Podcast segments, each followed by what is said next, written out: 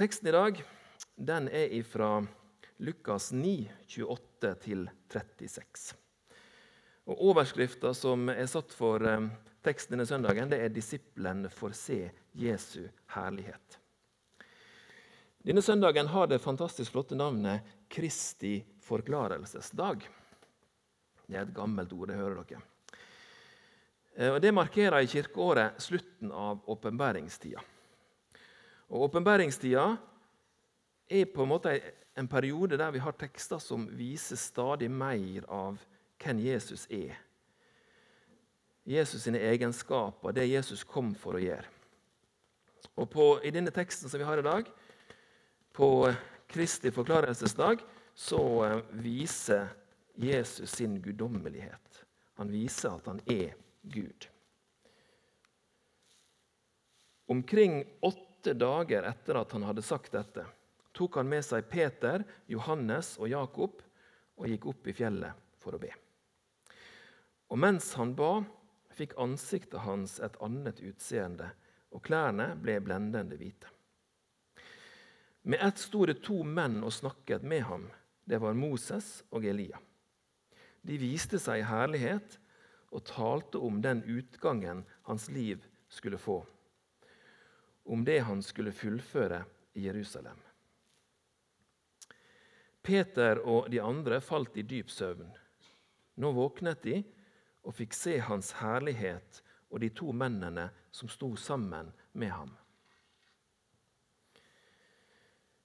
Da mennene skulle til å forlate ham, sa Peter til Jesus.: Mester, det er godt at vi er her. La oss bygge tre hytter. En til deg, en til Moses og en til Elia. Han visste ikke selv hva han sa. Mens han talte, kom det en sky og skygget over dem. Og da de kom inn i skyen, ble de grepet av frykt. Det lød en røst fra skyen. Dette er min sønn, den utvalgte. Hør ham. Og da røsten lød, var det ingen annen å se, bare Jesus. Disiplene tidde med dette. På den tiden fortalte de ikke til noen hva de hadde sett. Tre punkt som jeg skal prøve å si litt om i dag. Jesus på fjellet, disiplene på fjellet og ned fra fjellet. Jesus gikk altså opp på et fjell for å be. Det skjer såpass mye i denne teksten at det er lett for å glemme at det var utgangspunktet. Han gikk opp på fjellet for å be. Hva skulle han be om? Jo, han skulle stille et konkret spørsmål til Gud. Og så skulle han lytte til det svaret som Gud ga. Han skulle rådføre seg med Gud. Det spesielle var at han visste veldig godt hva svaret var på forhånd. Når Jesus kom til jorda, så var det med et helt tydelig definert oppdrag. Han skulle bli født, han skulle vokse opp, han skulle ta på seg all verdens synd. Han skulle bli korsfesta. Han skulle dø.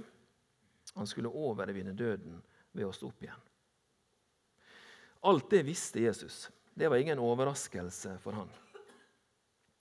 Og Når han går opp i fjellet denne dagen, så er han allerede på vei til Jerusalem for å starte siste del av oppdraget. Han har til og med fortalt disiplene at han skulle bli drept. I Lukas 9, 22 han sa Menneskesønnen må lide mye og bli forkastet av de eldste, overprestene og de skriftlærde. Han skal bli slått i hjel, og den tredje dagen skal han reises opp. Jesus hadde også noen dager i forveien fått en bekreftelse på at nå var det klart for siste etappe. Disiplene hadde fått et viktig oppdrag når han var borte. Eller de hadde et viktig oppdrag når han var borte. Og For at de skulle klare det oppdraget, ja, så måtte de forstå hvem Jesus var. De måtte forstå hva Jesus skulle gjøre. Og Det forsto de nok fortsatt ikke helt. Men han hadde nettopp stilt disiplene spørsmålet hvem sier folk at jeg er? Og Etter at disiplene antyda ulike fortolkninger av hvem Jesus var, så måtte de sjøl svare på hvem de trodde at Jesus var. Og det var Peter som svarte. Da svarte Peter, 'Du er Guds Messias'. Disiplene begynte å bli klar for oppdraget. Alt var klart, og Jesus visste hva han skulle gjøre. Han visste nøyaktig hva som skulle skje. Hvorfor måtte han da opp på fjellet og be? Hvorfor måtte han enda en gang få en bekreftelse fra Gud på at dette er min vilje? Mange kristne ber ganske mye i perioder der de er i vanskelighet, eller der de skal, de skal bestemme seg for noe viktig. Når en står i en valgsituasjon, da er det mange som ber mye. Når en skal begynne med noe nytt. Kanskje det er noe nytt i privatlivet. Kanskje det er før en skal gifte seg eller før en skal skifte jobb. Kanskje er det noe i det kristne arbeidet før en skal begynne med noe nytt, eller før en skal tale på et møte. Bønn er viktig, et viktig forarbeid. Og Mange bruker det nettopp som det. Forarbeid før en skal ta en beslutning. Men så er det ofte sånn at når en har fått ro for noe, som vi av og til sier, når en har bestemt seg, når en har funnet ut at dette her er det riktige, når avgjørelsen er tatt, ja, da har mange, meg sjøl inkludert, lett for å bare kjøre på. Da, da vet vi at sånn skal vi gjøre det, og så gjør vi det. Da er det lett å glemme bønna. Men Jesus måtte være helt sikker på Guds vilje. Han kunne ikke bare kjøre på, sjøl om han visste det, sjøl om alt hadde lagt seg til rette, sjøl om han allerede hadde bestemt seg og var på vei.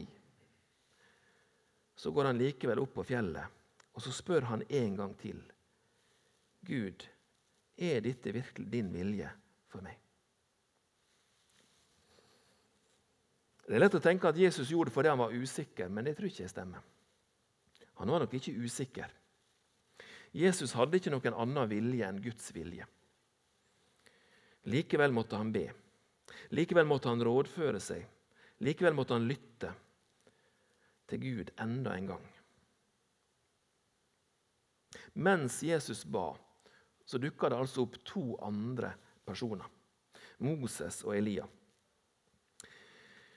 Det var de to viktigste personene i israelsk historie, i jødefolkets historie. Disse viktige personene de kom, og så står det at de samtalte med Jesus. Og Det er interessant at det skjer på et fjell. For De som har lest en del i Gamle Testamentet, vet at både Moses og Elia hadde vært på fjell før og hadde hatt opplevelser på fjell. Når Moses hadde fått steintavlene med de ti bud på, på Sinai-fjellet, så står det at når han kom ned igjen til folket, så strålte det av ansiktet hans. Men han visste ikke det sjøl. Andre Mosebok 34, 29-30. Så gikk Moses ned fra Sinai-fjellet. Han hadde vitnesbyrdet, de to tavlene i hendene, da han gikk ned fra fjellet. Moses visste ikke at det strålte av ansiktet hans fordi Herren hadde talt med ham. Aron og israelittene så at det strålte av ansiktet hans, og de var redde for å komme nær ham. Så er det parallellen mellom Jesus sin opplevelse og Jesus sin forherligelse på fjellet. Det står også der at han fikk helt hvite klær. Og når Moses hadde vært på fjellet og møtt Gud, ja, så, så lyste ansiktet. Det strålte av han. Elia hadde også et møte med Gud på Horeb-fjellet. Han hadde nettopp vært i kamp mot Bals profeter, og han hadde vunnet. Gud hadde vist sin storhet på en helt spesiell måte. Men så var avgudsdyrkelsen så enorm at selv om han hadde overvunnet profetene, så måtte han rømme for å berge livet. Og så gjemmer han seg i ei fjellhule på fjellet Horeb. Der møter Gud han. Gud sier at han skal Altså at Elias skal stille seg på fjellet, og så skal Gud gå forbi. Og så først passerer en storm, står det. Og Så kommer det et jordskjelv, og så passerer det ild. Voldsomme ting som skjer, men Gud er ikke noe av de tingene som passerer. Og så hører Elia lyden av en stille susing. Og Da dekker han ansiktet, og så går han ut og så møter han Gud på fjellet. Så får han beskjed om hva som skal skje videre. Jesus ber altså og spør Gud om det han skal starte på, virkelig er Guds vilje. Er det virkelig sånn det skal skje? Og så sender Gud disse to, lovgiveren i israelsfolket og den viktigste profeten, som begge i avgjørende situasjoner i livet har hatt møte med Gud på et fjell.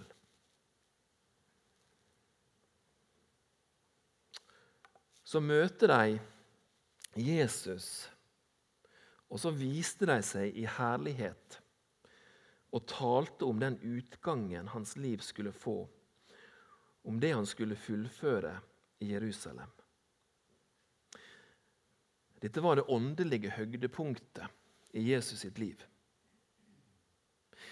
Vi har lett for å tenke at møtet på fjellet var for å vise disiplene Jesu makt og herlighet, at han var Guds sønn.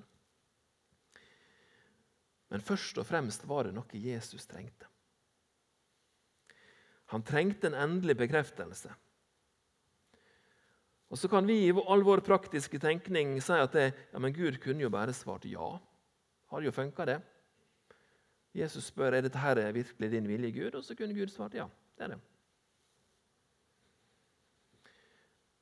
Men i stedet for så sendte han to med erfaring, som kunne snakke med Jesus, som kunne samtale med ham, som kunne gi trygghet om at det var det riktige å gjøre. Gud gir mer enn han må. Hvis vi stopper opp av og til i vår iver etter handling, hvis vi fortsetter å be selv om vi er trygge på at vi er på rett vei, ja, så vil Gud fortsette å gi både trygghet og åndelige opplevelser. Punkt to disiplene på fjellet. Teksten starter med setninga 'omkring åtte dager etter at han hadde sagt dette'. Da er det lett å tenke seg at kanskje det skjedde noe ca. ei veke før det. Og det er jo riktig. Da hadde Jesus snakka om at han skulle lide og dø, og at det også ville koste noe for disiplene å følge han. Lukas 9, 22-24. Han sa, 'Menneskesønnen må lide mye og bli forkastet av de eldste, overprestene og de skriftlærde.' 'Han skal bli slått i hjel, og den tredje dagen skal han reises opp.' Så sa han til alle, 'Om noen vil følge etter meg, må han fornekte seg selv' og hver dag ta sitt kors opp og følge meg. For den som vil berge sitt liv, skal miste det. Men den som mister sitt liv for min skyld, skal berge det. Jesus var ganske tydelig med disiplene om hva som skulle skje. Og De forsto sannsynligvis ikke så veldig mye av det. De forsto det nok først etter at Jesus var død og hadde stått opp igjen. Men det må jo ha gjort inntrykk. De, de forsto jo språket, de forsto jo orda. De hørte jo hva han sa. Selv om ikke de forsto dimensjonene og hvor stor konsekvens det ville få, så skjønte de jo det at her sier Jesus at livet kommer til å bli skikkelig, skikkelig vanskelig. Og Så går det ei uke, og så er tre av disiplene på fjellet. Og Der får de en opplevelse helt utenom det vanlige. De får oppleve noe fantastisk. Peter og de andre Nei.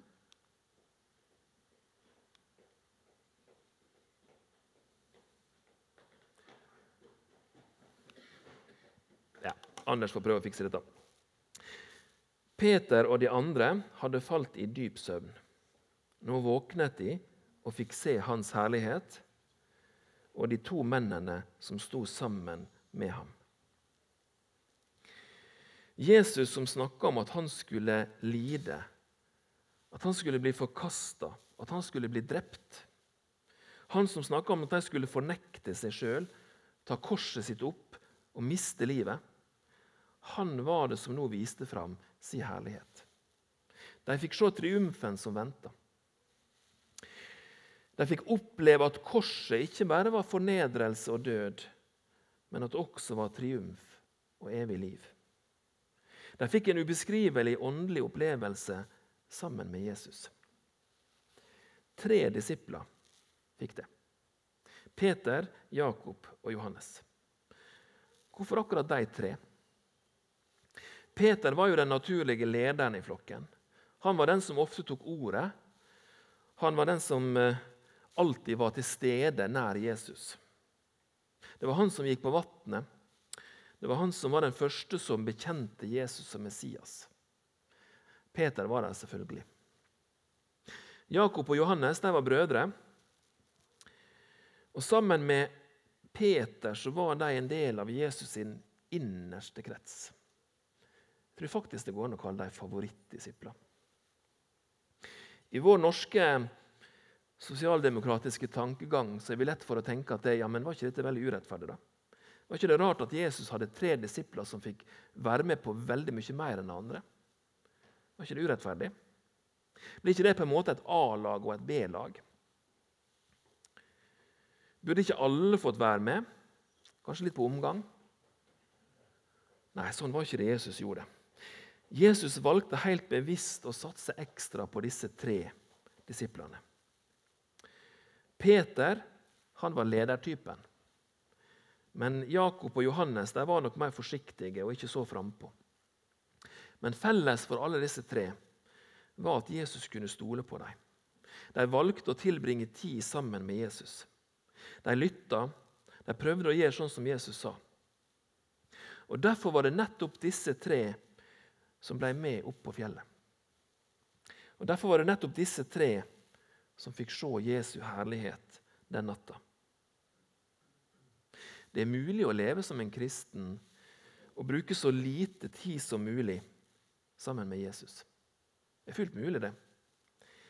Men hvis en skal oppleve triumfen og det herlige i trua, da må en legge ned både tid og krefter. Ikke nødvendigvis i en framtredende posisjon i et styre eller på talerstolen, eller sånn, men en må tilbringe tid sammen med Jesus. I bønn, bibellesing, i forsamlinger, i smågrupper. Jesus gir ekstra oppmerksomhet til de som oppholder seg i hans nærhet. Og Så er Peter den typiske handlingens mann. Han vil bygge hytte til Jesus, Elia og Moses. Da mennene skulle til å forlate ham, sa Peter til Jesus.: Mester, det er godt at vi er her. La oss bygge tre hytter. En til deg, en til Moses og en til Elia. Han visste ikke selv hva han sa. Jeg kan av og til være litt sånn som Peter. Når noe oppleves godt, når noe er fint og kjekt, da tar jeg meg ofte i å tenke at dette her er må vi gjenta, dette må vi organisere. Dette må vi få til å, å vare lenge. Dette må vi utnytte. Her må vi ha en komité. Og Det kan ofte komme i veien for den gode opplevelsen. Av og til så skal vi ta tid til stillhet og glede. Uten å tenke på neste skritt, uten å tenke på arbeid. Av og til er stillhet viktigere enn handling. Og så er selvfølgelig tanken til Peter lett å forstå. Han ville forlenge øyeblikket. Han ser at Moses og Elia er i ferd med å forlate fjellet. Og så ønsker han å gjøre noe slik at de kan bli der lenger. Og Da er selvfølgelig hyttebygging en god idé. Han vil forlenge øyeblikket. Han vil ikke tilbake til dagliglivet. Ludvig Hope skriver i ei gammel andagsbok som heter 'Eit ord i dag'. Vi vil så gjerne være der lykka og gleda lyser imot oss. Og få stiga opp og bort fra synd og sorg og strid, og hvila i ljoset fra Jesu Kristi åsyn. Det er å smake den freden som går over alt hvit. Og Det har Ludvig Hope helt rett i. Men det, vi kan ikke være der hele tida. Vi kan ikke være der alltid. Peter vil forlenge det mest mulig. Men de må ned igjen i dalen. De må ned fra fjellet. De må ta korset sitt opp. Jesus måtte møte døden. Den gode opplevelsen gir kraft til å holde ut i hverdagen når disiplene skulle vandre korsets vei med Jesus. På vei ned igjen så møter de hverdagen med en gang. En stor folkemengde møter de. Og der er en far som kommer med en sønn som er besatt av ei ond ånd. Kontrasten er helt enorm. Mellom freden og gleden på fjellet og nøden og ondskapen i dalen. Hadde vært bedre å bare fortsatt være på fjellet. Men de må ned igjen. Hva har opplevelsen på fjellet gjort med disiplene? Jo, de har blitt vitne. De har sett og hørt noe som de kan vitne om. Et vitne er jo en som først ser, og som dermed veit. Og så har denne opplevelsen på fjellet vist dem Jesu herlighet. Og nå hadde de fortelling om den herligheten i hjertet sitt. Guds storhet, Jesus storhet. Og når tida var inne, det skulle gå lang tid ennå, men når tida var inne, så kunne de fortelle om den til andre mennesker. Normalsituasjonen for en kristen er ikke på fjellet. Normalsituasjonen er midt i nøden og ondskapen i dalen. Normalsituasjonen er å fornekte seg sjøl og bære Jesu kors. Hvis du lever nær Jesus, så vil du av og til få oppleve å være på fjellet. Du kan oppleve en herlighet og en triumf som er ubeskrivelig. Men det er ikke meninga at du skal bo på fjellet. Du skal ikke bygge hytte der. Du skal ned igjen, til hverdagen. Bare på den måten kan vi være vitne om Jesu herlighet blant våre medmennesker. Bare på den måten kan vi være til hjelp for andre.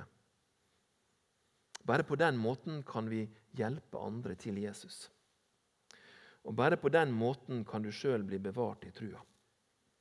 Åndelige opplevelser gir kraft til å holde ut. Men det er ved Jesu kors vi blir bevart i trua.